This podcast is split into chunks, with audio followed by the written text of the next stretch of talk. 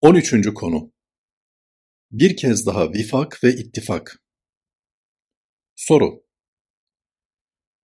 Peygamber Efendimiz sallallahu aleyhi ve sellem, ümmetinin umumi bir felakete uğramaması ve mütemadi olarak başkalarının hakimiyeti altında kalmaması için yaptığı duaların kabul edildiğini, fakat ümmetinin ihtilaf ve iftiraka düşmemesiyle alakalı duasının kabul buyurulmadığını ifade etmiştir. Zikredilen hususlar arasındaki ortak nokta ve bunların verdiği mesajlar nelerdir? Cevap Kur'an-ı Kerim, müminlerin ibret almaları adına pek çok peygamber kıssasına yer vermiştir. Bu kıssalarda ifade edilen önemli hususlardan birisi de, irşat için gönderilmiş olan peygamberlere iman etmeyen kavimlerin helak edilmiş olmalarıdır. İnkarda ve zulümde temerrüt gösterdiklerinden dolayı Hazreti Nuh'un kavmi umumi bir tufanla, Hazreti Hud'un kavmi uğursuz bir kasırgayla, Hazreti Salih'in kavmi korkunç bir sayha ile helak edilmiş, Sodom ve Gomorre halkının ise altı üstüne getirilmiştir. Zikredilen bu kavimlere gelen ilahi afetler belli bir coğrafyaya münhasır olarak mı geliyordu yoksa helak yeryüzündeki bütün insanlığı içine alacak şekilde mi gerçekleşiyordu bilemiyoruz. Fakat Allah Resulünden sallallahu aleyhi ve sellem önce gelen peygamberlerin sadece belirli bir kavme gönderildikleri göz önünde bulundurulduğunda her bir kavme gelen helakın onların yaşamış olduğu coğrafyayla sınırlı kalmış olabileceğini söyleyebiliriz. Eğer böyleyse, kendilerine gönderilen peygambere inanmayıp küfür ve zulümde ısrar eden insanların tamamı helak edilmiş olsa da gelen helak o kavme münhasır olacaktır. Fakat Hatemül Enbiya Efendimiz aleyhi ekmelüttehaya bütün insanlığa gönderildiğinden dolayı onun davetine icabet etmeyip inkâr ve zulümde inat edenlerin umumu sünnetullah gereğince helaka maruz kalacaktır. Kabul görmüş dua İşte bu sebepledir ki Allah Resulü sallallahu aleyhi ve sellem ümmeti Muhammed'in böyle umumi bir felaket ve helake uğramaması adına Allah'a dua etmiştir.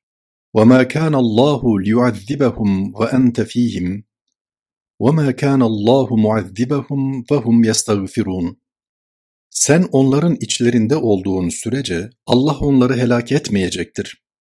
Onlar istiğfar ettikleri sürece de Allah onları helak etmeyecektir. Ayet-i kerimesi onun duasının kabul edildiğini göstermektedir. Malum olduğu üzere Efendimiz'e ait olan nebevi hususiyetlere hususiyeti Muhammediye denilmektedir. Buna göre Allah Resulü sallallahu aleyhi ve sellem mübarek hayatlarını ümmeti Muhammed'in içinde geçirdiği ve onların başında bulunduğu sürece geçmiş peygamberlerin ümmetlerinin başına gelen helak onlara gelmeyecektir. Ayetin zahiri manasına göre bu hakikat müsellemdir. İşari tefsir açısından ayetten şöyle bir mana da anlaşılabilir. Nebiler Sultanı sallallahu aleyhi ve sellem Müminlerin gönüllerinde yaşadığı sürece Allah Celle Celaluhu onları geçmiş kavimleri cezalandırdığı gibi cezalandırmayacak, altlarını üstlerine getirmeyecektir. Eğer müminlerin arasında sağlam bir Muhammedi ruh varsa, Allah Teala insanlığın iftihar tablosunun hayatı seniyyelerinde ümmeti Muhammed'i bağışladığı gibi, o sallallahu aleyhi ve sellem ruhunun ufkuna yürüdükten sonra da kıyamet gününe kadar ümmeti Muhammed'i bağışlayacak, siyanet, riayet ve hıfz buyuracaktır. Ayetin devamında ayrıca müminlerin helakten muhafaza buyurulmalarının bir vesilesinin de istiğfar etmeleriyle gerçekleşeceği beyan buyurulmuştur. Ümmeti Muhammed hata ve günahlarından sonra hemen doğrulup istiğfar ediyorlarsa, Allah Celle Celaluhu onları yukarıdan, aşağıdan, sağdan ve soldan gelecek musibetlerden muhafaza buyuracak onların altlarını üstlerine getirmeyecektir. Hasılı Allah Celle Celaluhu Efendimizin ümmeti Muhammed hakkındaki umumi helak edilmemesi duasına icabet buyurmuş, Kur'an bu hakikati dile getirmiş, tarih de bunu açık bir şekilde göz önüne sermiştir. Tarihi devri daimlerde geçici esaretler. İkinci olarak Allah Resulü'nün sallallahu aleyhi ve sellem Müslümanların ilelebet sömürücü bir devletin işgali altında kalmaması adına duası kabul edilmiştir. Demek ki o sallallahu aleyhi ve sellem gaybin gözüyle bazen müminlerin işgal altında kalacaklarını fakat bunun ilelebet devam etmeyeceğini görmüştür.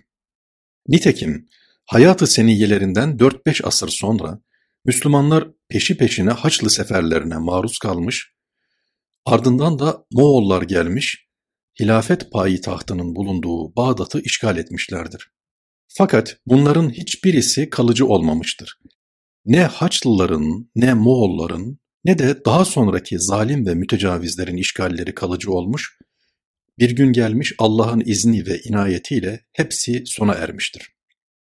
Alemi İslam'ı çok ciddi meşgul eden Haçlıların kimisi Kılıç Arslan'a, kimisi Nureddin Zengi'ye, kimisi de Salahaddin'e toslamış, ters yüz olmuş ve geldikleri gibi gitmişlerdir. Daha sonra Allah Celle Celaluhu Selçukluları güçlendirmiş, onlara üç asra yakın İslam'ın kaderiyle alakalı çok önemli bir misyon eda etme fırsatı vermiştir. Anadolu Selçuklularının tesirsiz hale geldikleri, Babayiler isyanıyla bütün bütün felç oldukları, güneşlerinin grup etmeye yaklaştığı dönemde ise, Söğüt'ün bağrında adeta bir tırtılın metamorfoz yaşayarak kelebeğe dönüşmesi gibi yeni bir oluşum bütün afak-ı alemde arz endam etmiştir. Evet, Osmanlı, alemi İslam'ın kuzeyinde İslam dünyasının karakolculuğunu yapmış, onu korumuştur. Malik bin Nebi'nin ifadesiyle eğer İslam dünyasının şimalinde Osmanlı olmasaydı, bugün İslam dünyası da olmazdı.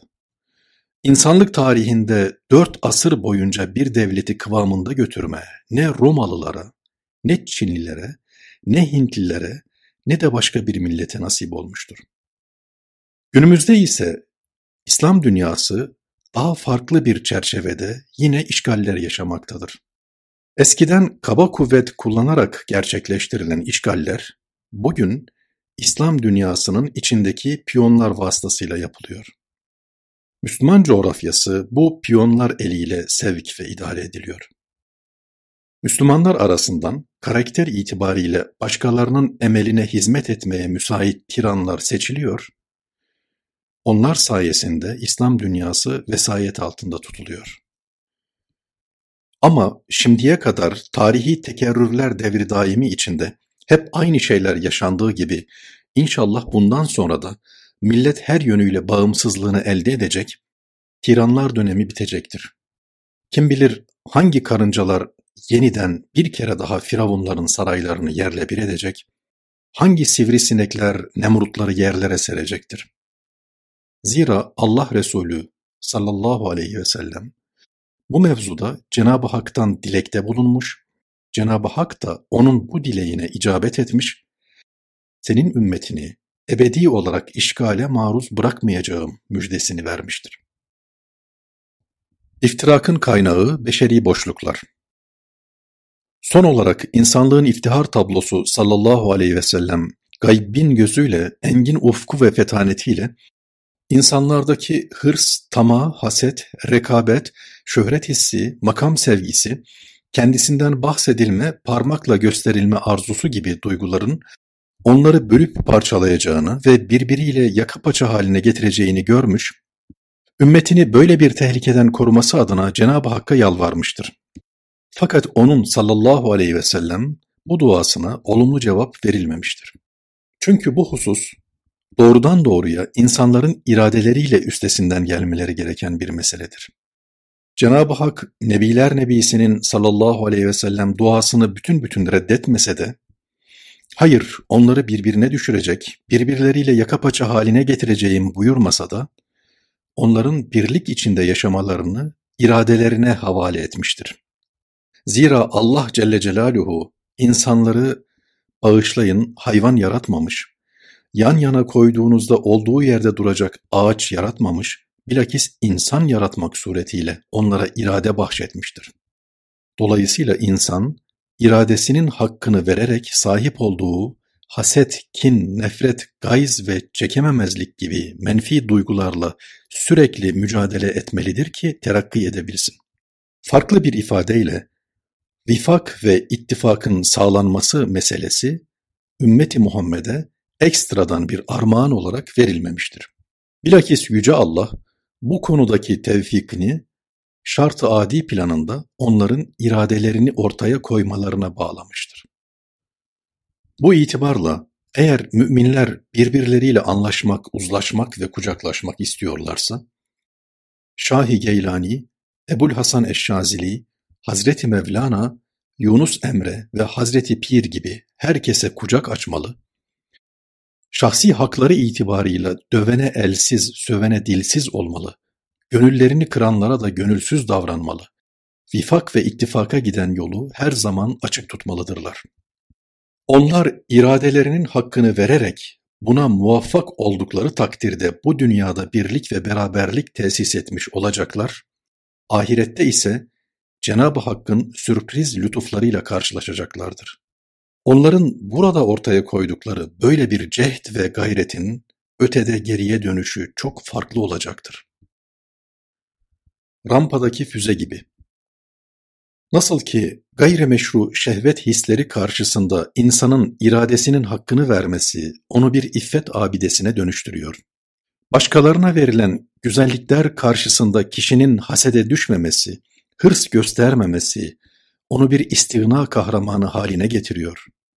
Aynen öyle de vifak ve ittifakın sağlanması için insanın iradesinin hakkını verip kendisine rağmen yaşaması onu bir fazilet abidesi haline getirecektir.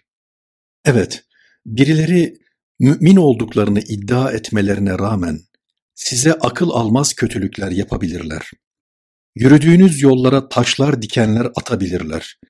Yollarınızı yürünmez hale getirip yürüdüğünüz istikametteki köprüleri yıkabilirler. Sizi toplumdan bütün bütün tecrid etmek isteyebilirler. Ama eğer siz vifak ve ittifak hatırına birer fazilet abidesi olmaya namzetseniz, bütün bunları görmezden gelmeli. Bu da geçer yahu deyip yolunuza devam etmelisiniz. Yürüdüğünüz yollardaki köprüler yıkıldığında, başka bir yerde kendinize ipten tahtadan yeni köprüler kurmalı, ayrılığı kendilerine şiar edinmişlere rağmen ayrılığa düşmeden, Allah'ın izni ve inayetiyle yürüyüşünüze devam etmelisiniz. Bir gün gelecek, size bütün bu kötülükleri yapanlardan bazıları pişman olacaklardır. Pişman olarak geldikleri zaman onların sizi durduğunuz yerde bulmaları çok önemlidir. Hatta onlar itizarda bulunduklarında size düşen orada ayrı bir centilmenlik sergilemek. Estağfirullah, bizim bunlardan haberimiz yok. Biz sizi hep yanımızda hissettik demektir. Halbuki onlar kıskançlık ve hasetle sizden kilometrelerce uzağa savrulmuşlardı. Hakkınızda hareketin önünü kesin, hayat hakkı tanımayın, onların hakkından gelin gibi laflar ediyorlardı. Hem de bütün bu zulümleri irtikap ederken onların ciddi ve makul hiçbir gerekçeleri yoktu. Bilakis onları buna sevk eden saik rekabet hissiydi, kıskançlıktı, hasetti. En masumlarında bile bir hissi tenaffüs vardı. Kendilerine göre alan bölmeye, bölüşmeye çalışıyorlardı. İşte bir hak yolcusunun bütün bunları görmezlikten gelerek, sanki yokmuş gibi kabul ederek, hep durduğu yerde durması, onun adına çok büyük bir fazilettir. Beşer tabiatını doğru okuma. Öte yandan, vifak ve ittifakın her zaman muhafaza edilemeyeceği, insanlar arasında bir kısım ihtilafların her zaman için söz konusu olabileceği unutulmamalıdır. Çünkü insan, tabiatı itibarıyla buna açık yaratılmıştır. Dolayısıyla biz, şahsımız adına vifak ve ittifakın temini için sürekli en yüce gaye peşinde koşsak da içinde bulunduğumuz şartlar itibarıyla hiç beklemediğimiz tavır ve davranışlarla karşılaşabileceğimiz bir realite olarak kabul edilmelidir ki ciğersuz hadiselerle karşı karşıya geldiğimizde derin hayal kırıklıklarıyla ümidimizi kaybetmeyelim. Birlik ve beraberlik ruhunun korunması adına Hazreti Ebubekir, Hazreti Ömer, Hazreti Osman, Hazreti Ali efendilerimiz gibi hareket ederek çevreyle sımsıkı kardeşlik bağları kurabilmek, kurşun gibi sapasağlam bir yapı haline gelmek çok önemlidir. Nitekim Resul-i Ekrem Efendimizin sallallahu aleyhi ve sellem etrafında yer alan sahabe-i kiram efendilerimiz arasında böyle bir vifak ve ittifak oluşmuştu. Hazreti Pir'in etrafında ilk safı teşkil eden talebelerinde de zilliyet planında bunu görebilirsiniz. Fakat daha sonraki dönemlerde farklı anlayışlar, farklı felsefi telakkiler işin içine karıştığından dolayı aynı saffetin korunduğu söylenemez. Evet, her insanda bir kısım zaaflar olabilir. Bazıları içinde bulundukları heyetin genel ahengini bozacak bir kısım tavır ve davranışlara girebilirler. Bazıları umumi ahengi zedeleyecek bir kısım hata ve günahları irtikab edebilirler. Bazıları bir buz parçası gibi olan enaniyetlerini eritip bir ve bütün olma şuurunu yakalayamayabilirler. Bütün bunlar karşısında bize düşen de vicdan enginliğiyle meseleleri değerlendirmek, şahısların hata ve kusurlarına öfkelenip onları kendimizden uzaklaştırmamak, aksine onları kazanmaya çalışmak, ıslah gayreti içinde bulunmak ve böylece emanetimize aldığımız bu işi güven içinde götürebildiğimiz yere kadar götürmektir. Nitekim Kur'an-ı Kerim'de birçok ayet-i kerimede müminlere kötülüğü iyilikle savmaları, affedici ve müsamahakar olmaları emredilmiştir. Dolayısıyla Kur'an'ın bize telkin buyurduğu bu disiplinlere bağlı hareket etmeli, elden geldiğince kusurları görmemeliyiz. Aksi takdirde çoklarını ürkütür ve kaçırırız. Bu da hak rızası yolunda yapmaya çalıştığımız güzel faaliyetlere zarar verir. Evet, eğer vifak ve ittifakı korumak istiyorsak, hiç kimseyi hata ve kusurlarından dolayı hemen kaldırıp bir kenara atmamalı, bilakis herkesin kalbine ulaşacak yollar aramalı, bulmalı ve şefkatle bağrımıza basıp ıslahlarına çalışmalıyız.